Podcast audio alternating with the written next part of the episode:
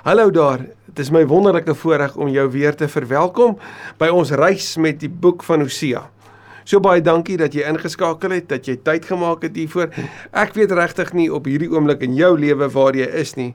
Wat ek wel weet is jy het ingeskakel omdat daar ergens in jou 'n behoefte, 'n hinkering is vir meer, meer van die Here, meer leer, meer van sy woord. Daarom besef ek hierdie is 'n ongelooflike voorreg vir ons om hierdie met mekaar te mag deel. Is 'n ongelooflike voorreg om hierdie notas te mag voorberei en dit beskikbaar te mag stel. En en weet dus dat al die notas van hierdie en al die ander studiestukke wat op ons YouTube kanaal beskikbaar is, stuur ek regtig graag vir jou so gou ek kan sodra jy my dat weet. En of dit in hierdie jaar is en of hierdie jare later is, terwyl hierdie e-posadres werk, sal ek dit vir jou stuur. En ek wil dit so graag stuur en ek wil so graag ook vir jou aanmoedig om dit te deel as dit vir jou sinvol is om selfs terugvoer te gee. So, waar jy ook al jouself mag bevind, van die weste van die weste kant van die wêreld in die ooste na die ooste van die ooste kant van die wêreld, bid ek so dat dat hierdie ja, dat hierdie wat die Here doen steeds tot sy eer en sy verheerliking sal wees. Kom ons bid saam. Here Jesus, U is die ewige Here. En ons het uit die boek van Hosea nou al soveel hoogtepunte en diep ontdekkings kon maak. Dankie dat ons kon leer dat U sê maar ek kan jou nie prys gee nie, my liefde brand te sterk. Dat U kom sê dat dat U God is, nie 'n mens nie. U werk anders. U gee nie op nie. U roep ons terug. U herskep. En selfs die tye van lyding het 'n het 'n einde want u begeerte is om ons te seën om ons nader aan U te trek dat die vrug van ons lewe juis liefde sal wees. Die liefde vir God, maar meer nog dat ons al hoe meer bewus sal wees van U liefde vir ons. Asseblief Here, vanuit U woord kom leer ons weer vandag. Kom lei ons verder in hierdie hierdie boek van Hosea. Ons gaan 'n klomp nuwe goed dalk hoor, 'n klomp goed vir weer weer versterk wat ons al reeds gehoor het. Maar maar ek bid so deur die Gees kom en neem ons net na U hart toe en en na die realiteit in die hartseer van die sonde en wat dit teweegbring en wat dit uiteindelik tot gevolg het. En teenoor dit, die goeie nuus van die evangelie, kom doen dit asseblief in die naam van ons Here Jesus, die Christus. Amen. Hosea 4 tot 11 het ons gesien vorm hierdie een groot hoe deel van die boek En daarin sien ons alles wat in die voorafgaande gebeur het, naamlik Israel se ontrouheid, Israel se ongehoorsaamheid, die Here se goedheid, die Here se keuse om, om inisiatief te neem en hulle te roep uit Egipte uit om hulle aan hom te bind. Die Here wat sê, "Maar ek het julle versorg, ek het vir julle voorsien." Maar in plaas van vir my die eer te gee, het julle weggedraai en na die Baals toe te gaan. Julle het gegaan na die omgewing van julle en julle het julleself verarm eintlik deur die groot woorde sinkretisme aan te hang. Dit is veel godery deur die afgodsdiens te te versmelt om dit te vermeng eintlik met julle aanbidding van my. Julle aanbidding van my was nie eg nie. Julle sondebelydenis was nie eg nie. Julle harte was nie daarin nie. Daarom is ek klaar met julle feeste. Is ek klaar met julle altare. En weet julle wat? Julle gaan in ballingskap weggevoer word. Maar my liefde brand te sterk. Ek gaan julle nie los dat julle vir altyd in ballingskap is nie. Ek is God, nie 'n mens nie. En dan in hoofstuk 12 tot 14 het ons eintlik 'n baie baie bondige samevatting van hoofstuk 4 tot 11. Dit klink eintlik asof dit oorgeskryf word, maar net in korter weergawe. Wel, Hosea se gedigte sê hulle kom so oor 25 jaar aan en daarom is dit te verstaan dat daar herhaling is. En herhaling is goed in ons lewe want dit help ons om te onthou. So het ons byvoorbeeld in hoofstuk 11 weer kon hoor dat die Here gesê het, maar Israel, julle moet die Here lief hê. Julle moet hom dien. Julle moet hom opsoek en by hom om hulp kom omklop, nie by die buurlande nie. Julle moes vir hom kom vra het. Want ons is gemaak sy handelinge mos om hom te soek. En en teenoor dit was dit nee.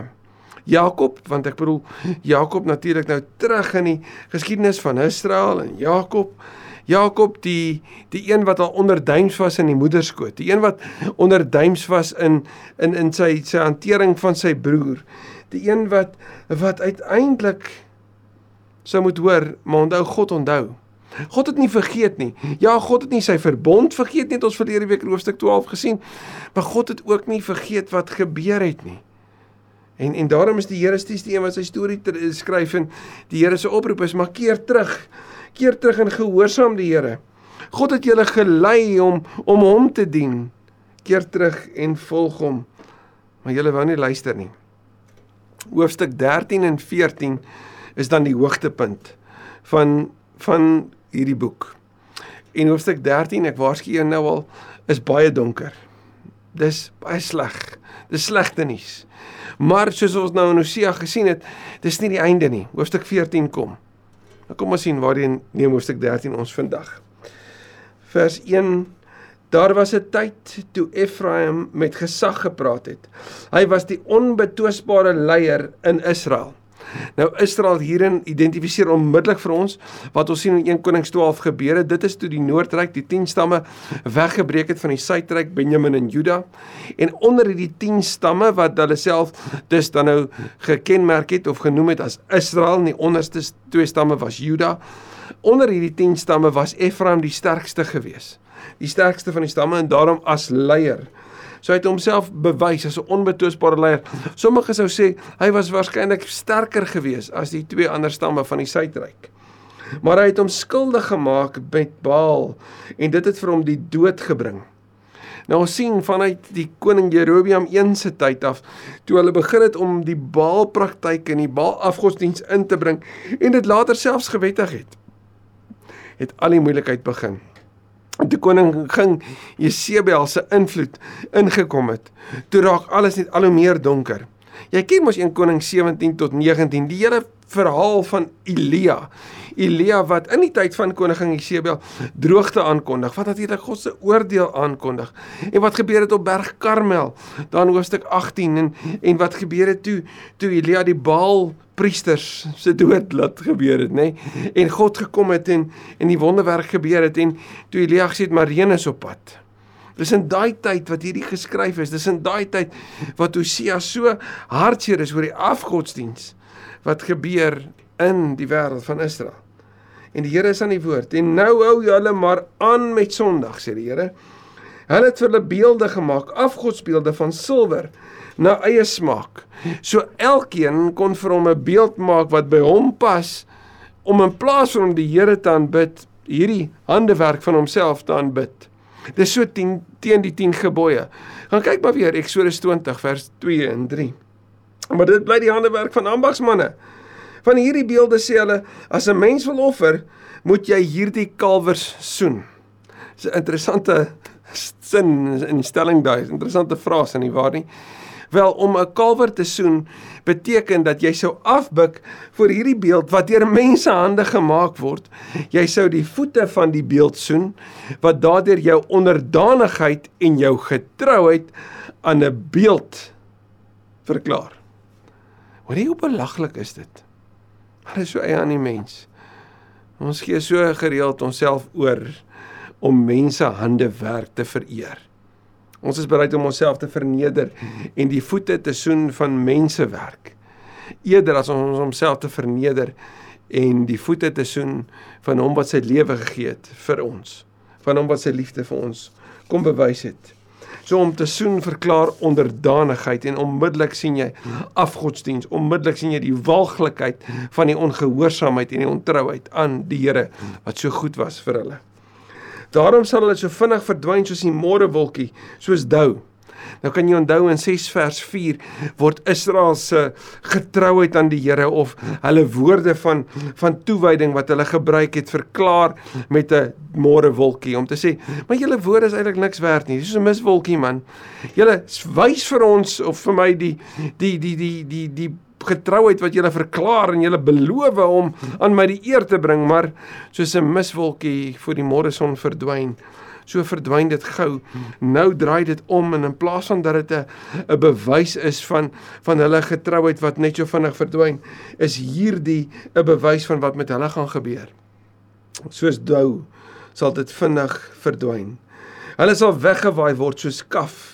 Nou dit sien ons daar in Psalm 35 van 'n dorsvloer af. Van 'n dorsvloer onthou jy kom ons uit die boek van Rut, Rut 3 uit. Soos rook uit 'n skoorsteen.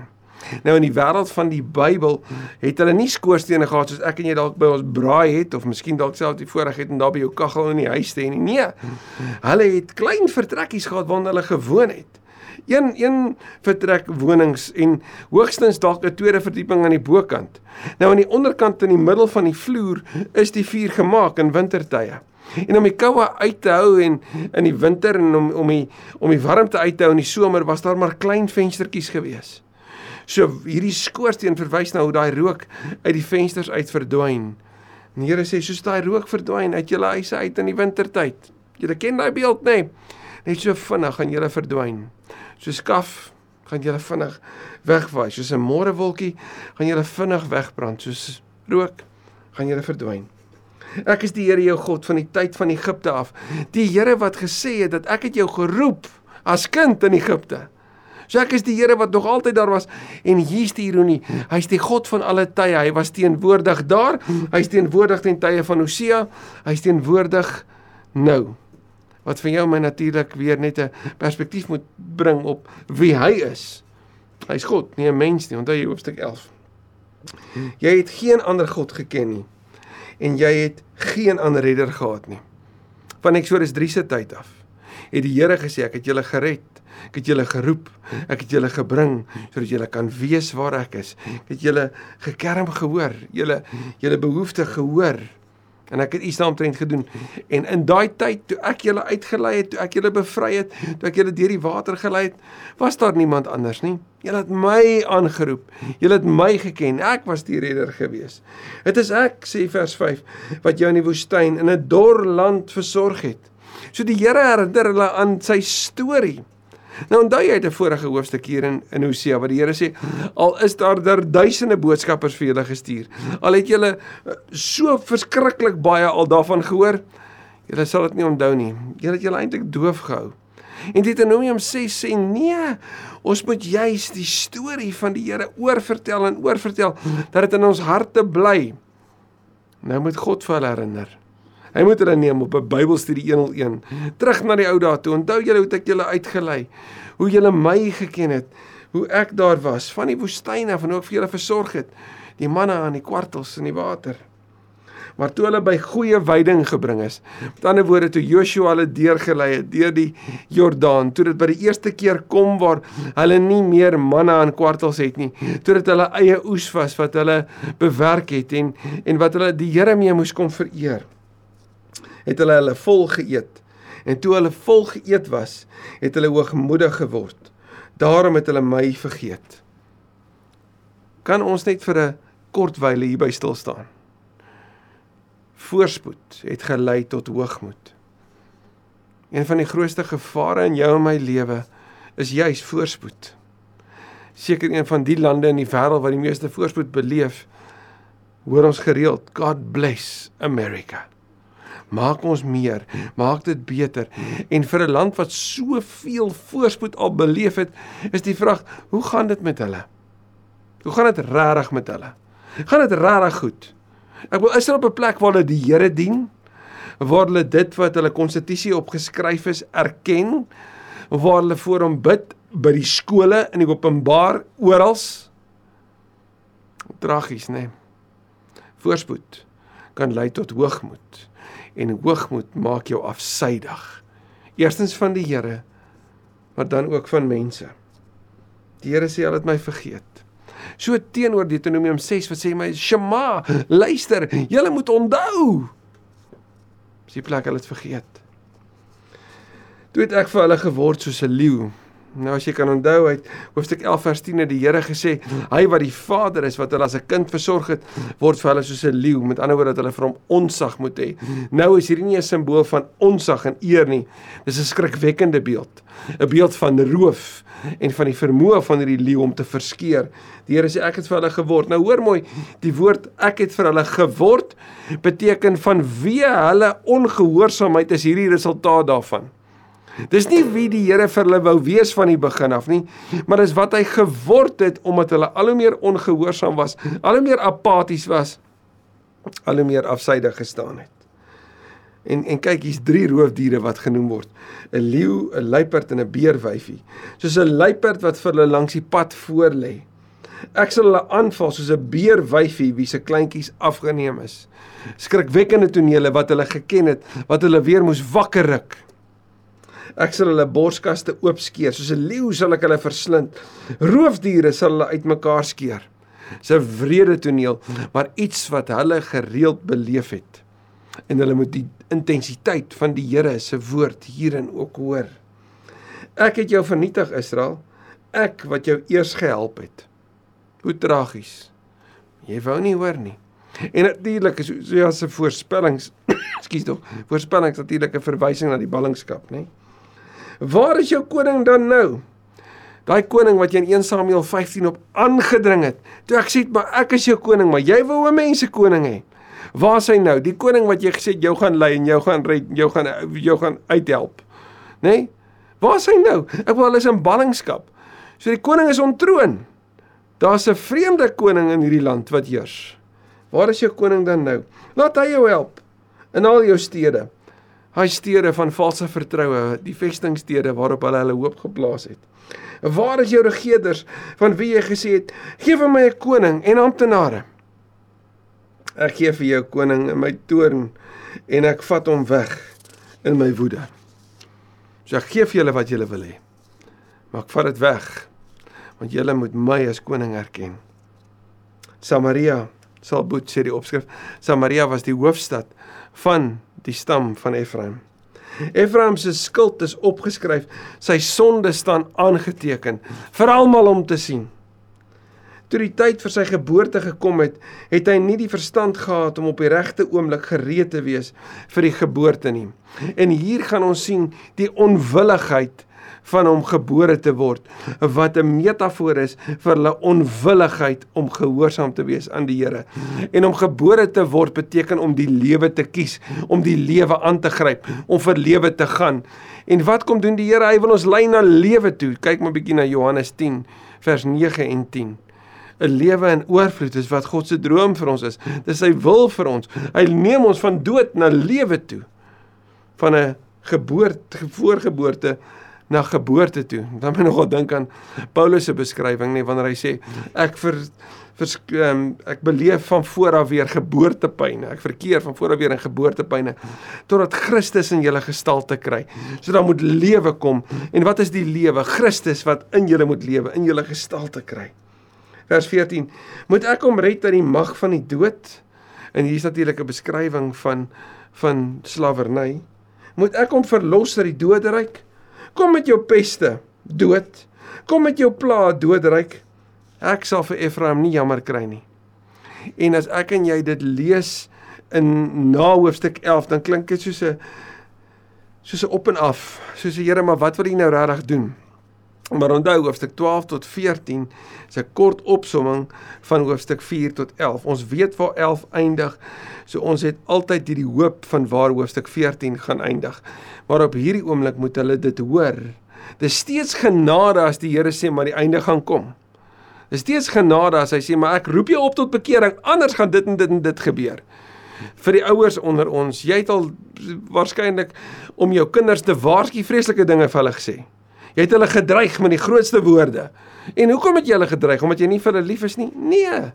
Jy het hulle gedreig omdat jy juis wil hê hulle moet hulle gedrag verander. Omdat as hulle hulle gedrag verander, dit goed sal wees vir hulle. Jy wil nie hulle pret bederf nie. Jy wil juis vir hulle lewe gee. Nie waar nie? Vers 15. Al floreer Efraim ook soos 'n blom tussen die riete, die oostewind sal losbreek. En daar word vertel van hierdie verskriklike oostewind wat wanneer hy gewaai het, het hy die lande verwoes. Daar het niks oorgebly nie. 'n Storm van die Here sal uit die woestyn kom en Efraim se waterbron sal opdroog. Sy fontein sal gaan staan. Nou hierdie waterbronne wat natuurlik gelei het tot groot oeste. Hierdie oeste wat gelei het tot groot feeste. Hierdie feeste wat gelei het tot aanbidding van Baal en afgodsdiens. Sê die Here, ek gaan dit terugbring. Dat hulle niks het nie. Hoekom? Sodat hulle sal dink aan my. Die storm sal al sy skatte en voorrade vernietig. En op hierdie donker oomblik kan ek en jy dalk sê, "Joh, miskien het dit al in my lewe gebeur. Van my skatte is vernietig. van dit waarop ek gesteun het in die verlede wat ek gedink het so belangrik was, is weg.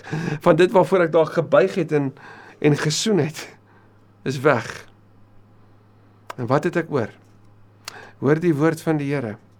Jy die oomblik oor om terug te draai na hom wat vir jou lewe gee.